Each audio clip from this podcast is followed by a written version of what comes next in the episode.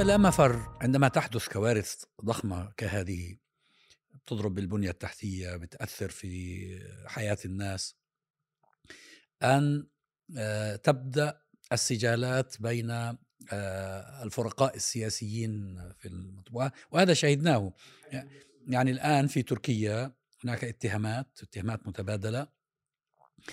لكن الملفت للنظر أن المعارضة التركية في محا في استغلالها أو في محاولة آه، الاستثمار في هذه النكبة الحقيقة أنها تستخدم أساليب غير أخلاقية. يعني أنا شبهت المعارضة التركية بالأنظمة العربية. يعني المعارضات العربية مضطهدة. لكن المعارضة التركية علاقتها بال يعني في نوع من التماهي بينها وبين الإعلام الغربي. لدرجة أنا سمعت لا أدري من كان أظن وزير الدفاع التركي لا مش وزير الدفاع التركي أحد المسؤولين الأتراك يوجه رسالة شديدة اللهجة للسفير التركي في أنقرة. نعم. و... للسفير الأمريكي, الأمريكي سوري أمريكي للسفير نعم. الأمريكي في أنقرة ويقول له آه، ارفع آه، أياديك القذرة عنا ونحن نعرف الذين تتعامل معهم. آه، يريدون أن يثبتوا أن هذه الكارثة السبب فيها هو حزب العدالة لا أردوغان شخصيا. واردوغان, أردوغان وأردوغان شخصيا, شخصيا. وللأسف منذ بداية الأزمة معظم التقارير التي تشهدها في وسائل الإعلام تصب في هذا آه، في في هذا الأمر. يعني بيجيبوا لك مثلا معارض موجود في الولايات المتحدة الأمريكية. بيقولوا له ما رأيك في هذا الذي حدث؟ فبيبدأ يتكلم. كلام مرسل. لا ندري يعني كم فيه من الحقائق وكم فيه من غير الحقائق. آه، يعني لو أن لو أن هناك فعلا حقائق تثبت أن في هناك جهات مقصرة تسببت آه، في هذه الكارثة بأي درجة من الدرجات تعاقب أمام القانون. لابد من المساءلة والمحاسبة. لكن أن يتحول ذلك إلى سجال سياسي آه، وتمكين آه، خصوم تركيا في هذا الوضع خصوم تركيا في في الغرب بالذات يعني هذا شيء مذهل صحيح وهو هذا الفرق بين المعارضات في الدول المتقدمة والمعارضات في الدول المتأخرة. المعارضات في الدول المتأخرة تتماهى مع أعداء وطنها. المعارضات في الدول المتقدمة بالرغم من خلافها السياسي مع الحكومات إلا أنها تنظر للمصلحة الوطنية، وبالتالي إذا كانت المصلحة الوطنية لبريطانيا أن تقف ضد الفلسطينيين فالمعارضة والحكومة تسير بنفس الخط. وإذا كانت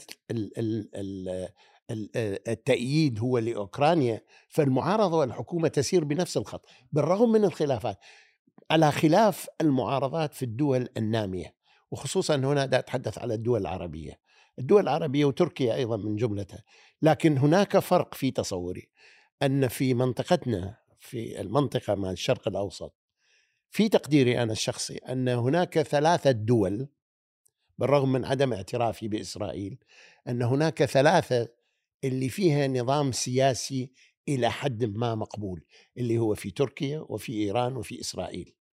الدول العربية ليس فيها نظام سياسي لا حكومي ولا معارضة، وبالتالي نجد الفوضى اي واحد ممكن أن يتكلم في أي مجال سواء كان ضد الوطن.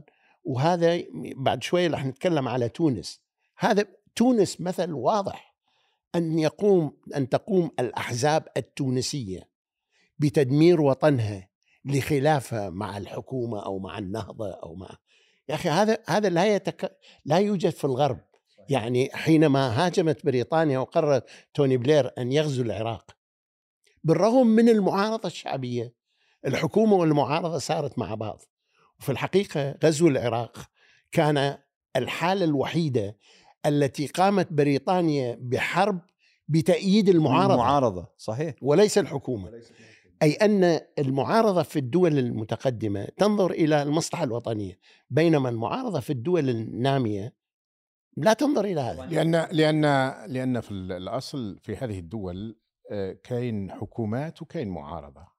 وبالتالي كاين نطاق سياسي يدور حول النقاش. وإن كان كان هناك الاستثناءات بالمناسبة. طبعا أكيد. أنا مثلاً- دا اعمم مثلا آه، مثلا آه، كوربن آه، كان كان ضد الحكومة وهو يقود الحزب ال- المعارض ال- الأكبر حزب العمال لمدة سنوات قبل الإطاحة به.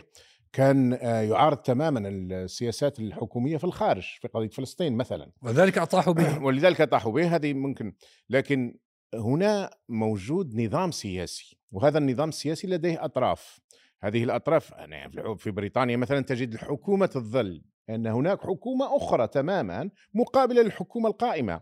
آه، تواجهها وزير بوزير آه، مسؤول بمسؤول.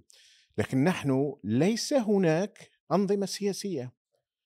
هناك ديكتاتوريات إما عبر الوراثة وإما عبر الدبابة وعموما كلاهما يستفيد من الآخر وبالتالي لم. لم يبقى للمعارضات أن تكون معارضة في الحقيقة ولذلك أنا دائما أصر أننا نحن مقاومة ولسنا معارضة تكون المعارضة عندما تكون هناك حكومة وهذه الحكومة بالمعنى السياسي صحيح. بالمعنى عمل السياسي سياسي. مزبوط وتكون المقاومة عندما يكون هناك الطغيان والديكتاتوريه والاستبداد. هذا هو الفرق. لذلك هم موجود المصلحة الوطنية.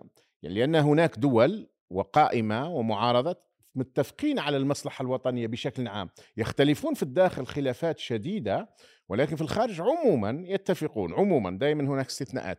لكن نحن يعني عندما يكون السيسي يخدم الخارج أو قيس سعيد يخدم الخارج أكثر مما يخدم الداخل أو جنرالات الجزائر يخدمون الخارج أكثر من الداخل ماذا تريد للآخرين؟ كيف تتماهى معه؟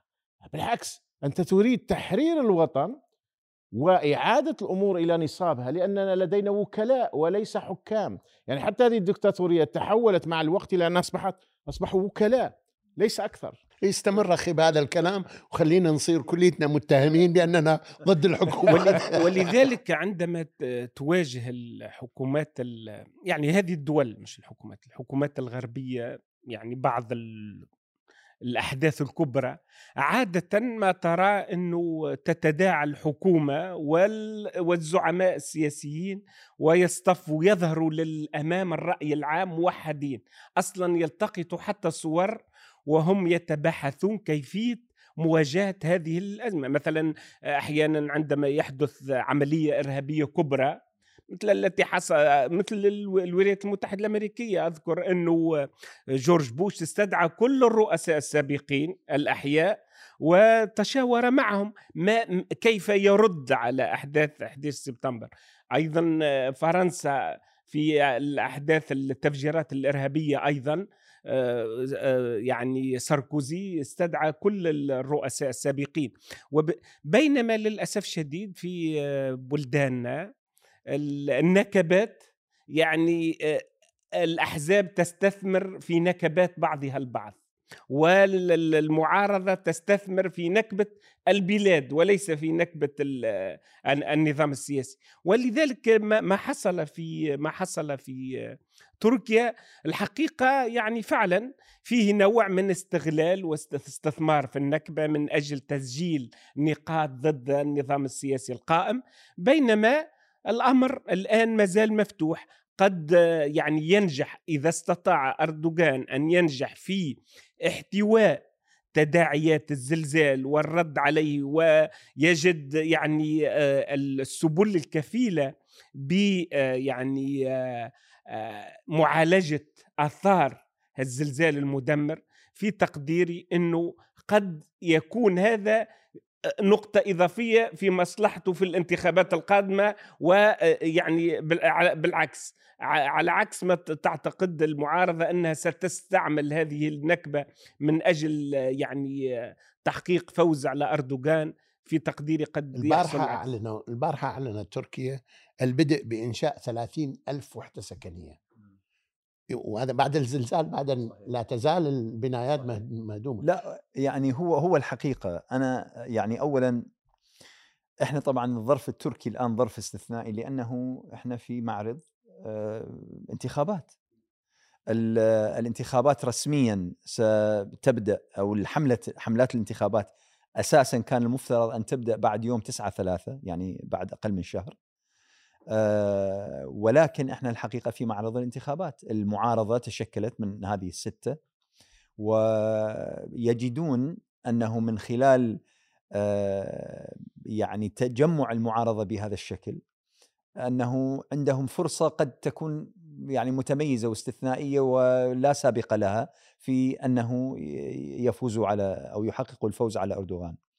فلذلك طبعا الخطابات دائما في أي بلد من البلدان عند الانتخابات أنت تعرف أنه هذه الخطابات هي لأجل خدمة الحملة الانتخابية.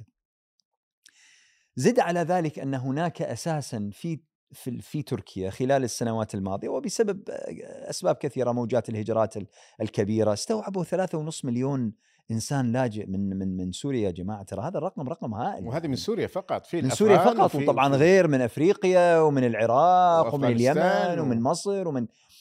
فهذه ثم الأزمة الاقتصادية التي ربما بعضها كان طبيعي بسبب حركة الأسواق وبعضها ربما كان مفتعل.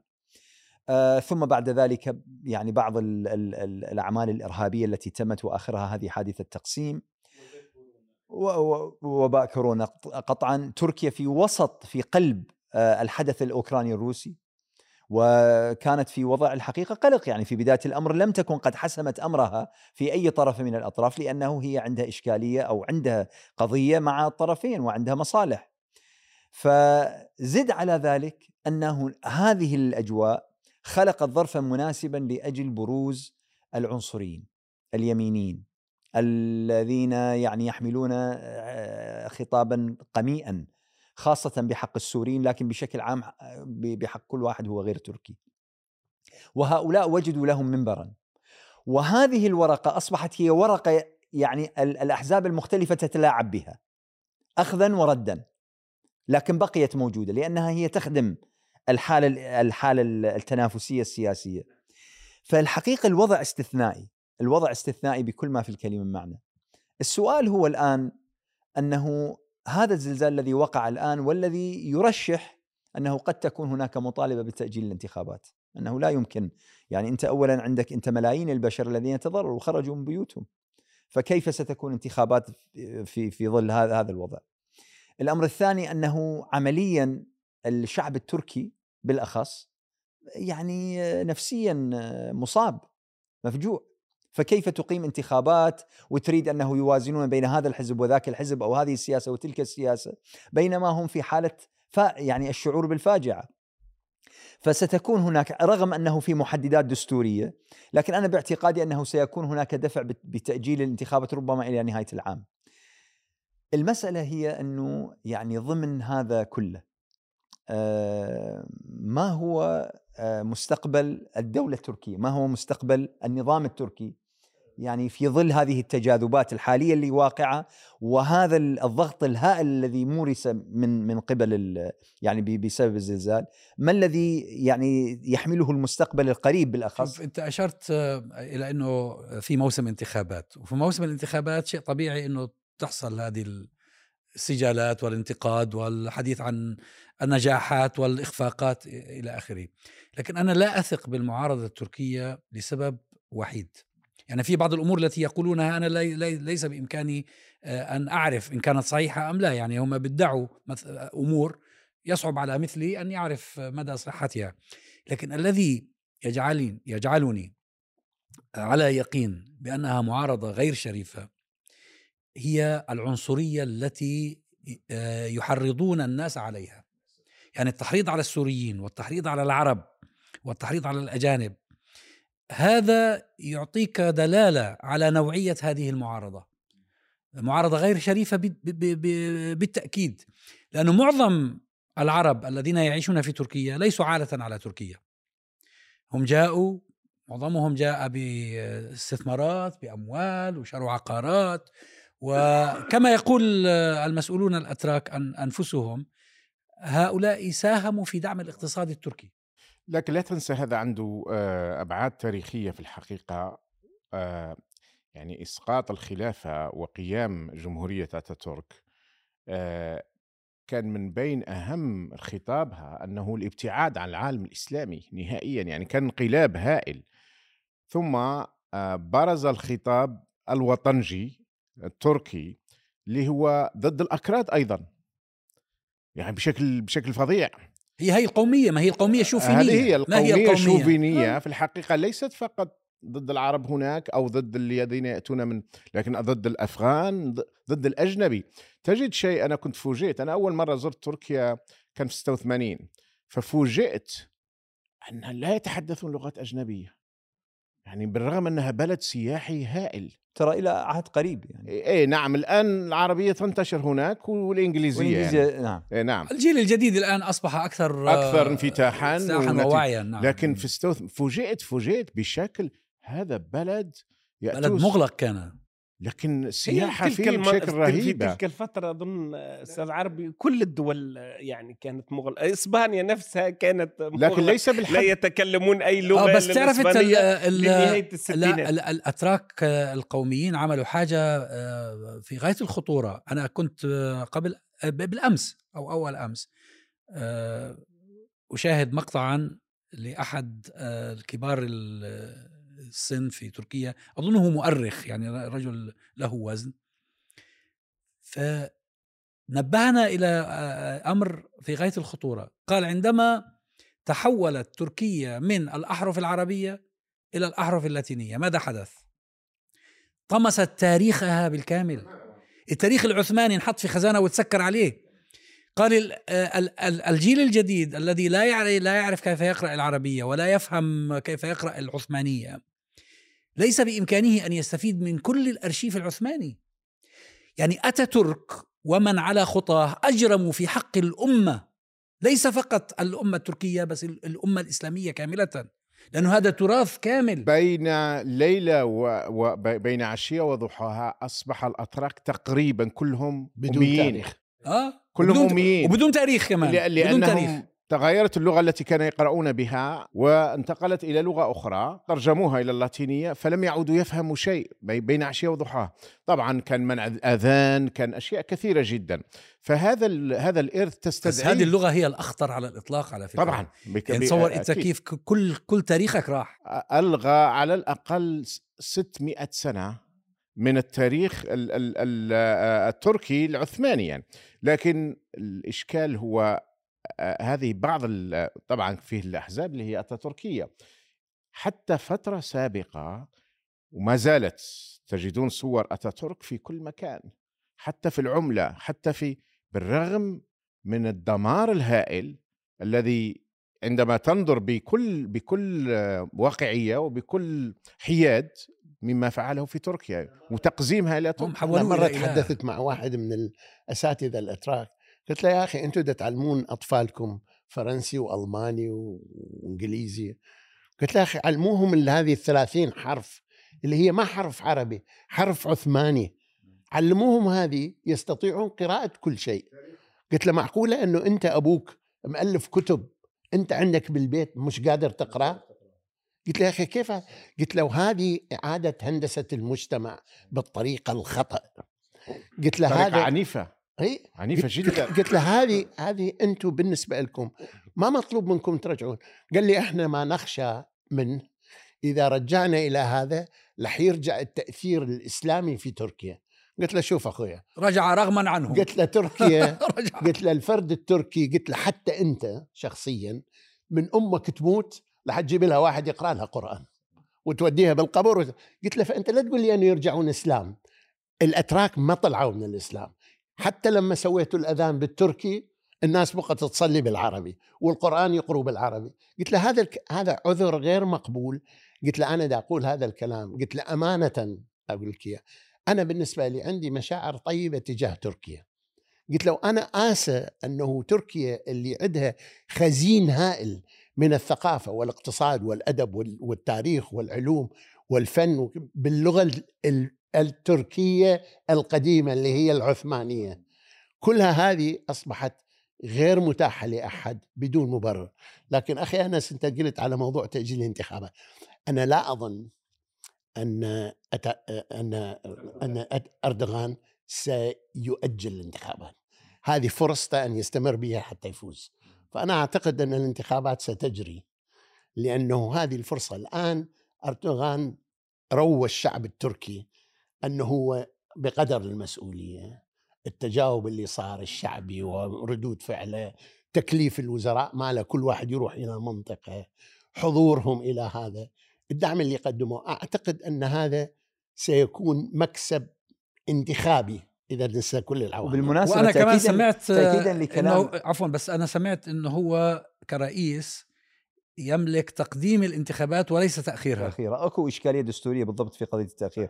بس آه، يعني تاكيدا لكلامك أستاذ صباح آه، إحنا بدأنا بالحديث عن ال- التليثون اللي هو حملة جمع التبرعات والتي بلغت 8.5 مليار دولار.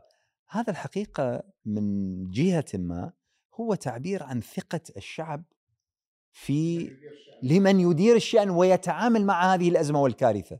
إذا أنا ما عندي ثقة بالجهة التي يعني تحاول علاج تداعيات الكارثة ما أتبرع لها ما راح أنطيها.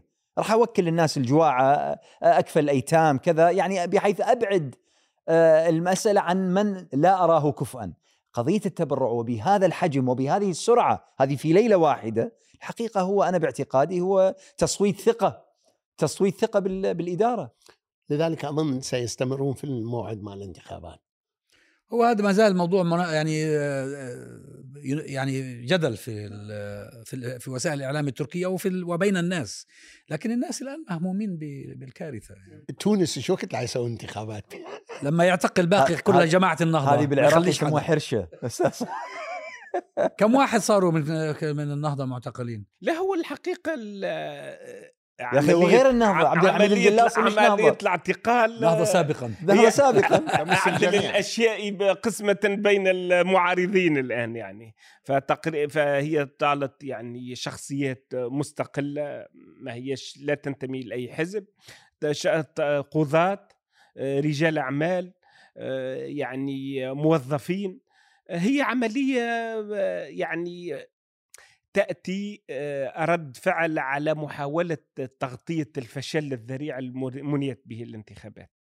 الانتخابات كانت ضربة قاسمة لقيس سعيد في مساره الانقلابي كان يعتقد إنه بهذا المسار والخطة التي وعد بها الغرب ما يسمى بخارطة الطريق التي يعتقد أنه كان سيتوجها بالانتخابات الماضية الانتخابات شارك فيها أقل من 10% في آه، يعني أضعف انتخابات سجلت في العالم. طبعا هو حاول أن يبين بأن هذا مكسب له لأن الناس لم تعد تثق بالحكومة والدولة والكذا والمؤسسات. ولكن هو آه، يعني يعني ناقض نفسه لأنه كانت عملية التعبئة من قبل قيس سعيد ومن قبل منظومة الانقلاب تعبئة يعني بددت المليارات. من الدينارات التونسية آه، في آه، في الد- الدعاية والتحشيد للانتخابات. بعد ذلك قيس سعيد نفسه يسفه الانتخابات هذا دليل على حالة من الت- التناقض هو آه، انتقل يعني لما يعني العالم الخارجي والقوى الوطنية بمختلف أطياف. شككت في يعني اعت- اعتبرت إنه هذا ال- الانتخابات لا يمكن أن تؤسس لا لشرعيه ولا لمؤسسات دستورية ولكن ولا يمكن أن تكون المؤس المؤسسات المنبثقة عن هكذا انتخابات هي مؤسسات تمثيلية للشعب التونسي الذي قاطع الانتخابات بنسبة 90% هو انطلق في هذه الحملة من الاعتقالات للتغطية.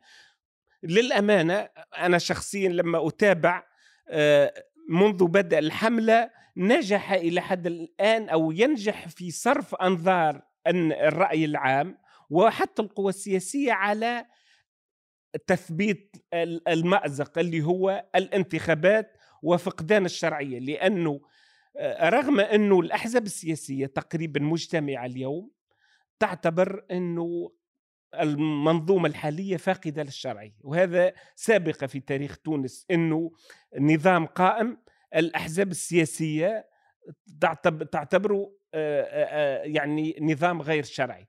إلى جانب هذا طبعا قيس سعيد عندما لاحظ يعني من خلال متابعته منظومة قيس سعيد منظومة الانقلاب إنه الأحزاب بصدد التوحد. هذا ال- المسمى الخيام التركي وهو شخصية مستقلة. آه، نجح في آه، يعني عقد جلسات للحوار بين مختلف أطياف القوى السياسية جلسات متتالية.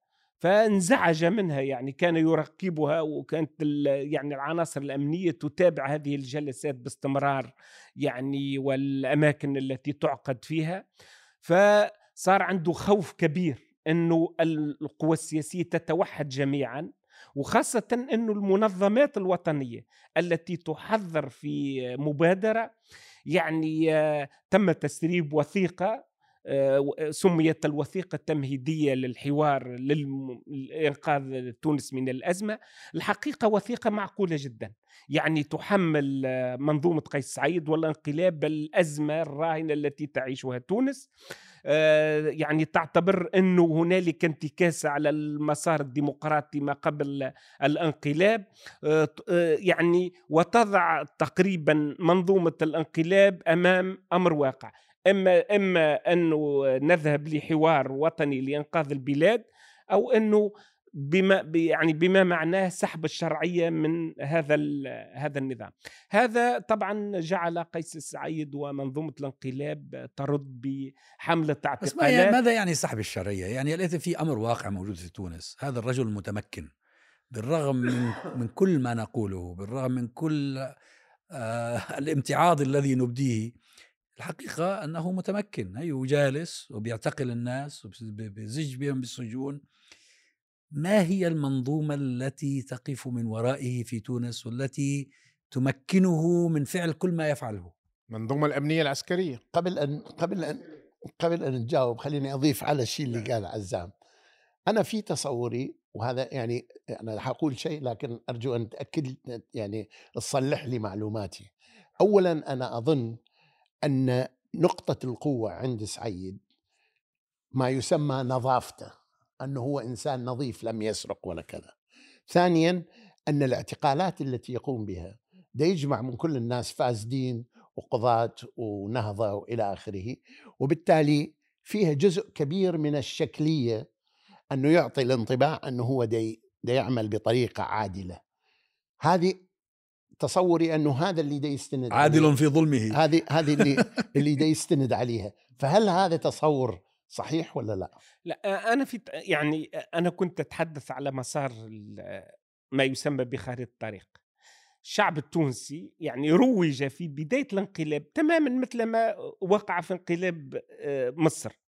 الترويج انه الشارع الشارع خرج ضد الشرعية ضد مرسي والشرعية لإسقاطه آه، روي تم الترويج في تونس لنفس الوقت. ولكن عندما اختبر والحديث على أنه الشرعية لقيس سعيد ولذلك يعني هو استجاب لنداءات واستجاب للتفويض الذي منح له انقلب على الدستور انقلب على المؤسسات الدستورية وأمسك بكل السلطات بين يديه القضائية والتشريعية والتنفيذية. ولكن عندما اختبر هذه الشرعية المزعومة والشعبية المزعومة على أرض الواقع استشارة وطنية شارك فيها حوالي 20% فقط ثم تلتها استفتاء على الدستور شارك فيه حوالي 20% فقط وضعه هو بمفرده وانتخابات شارك فيها أقل 10% يعني بمعنى آخر أنه الرأي العام التونسي الناخب التونسي لا يستجيب لنداءات قيس سعيد الذي يعتبر فقط الشرعي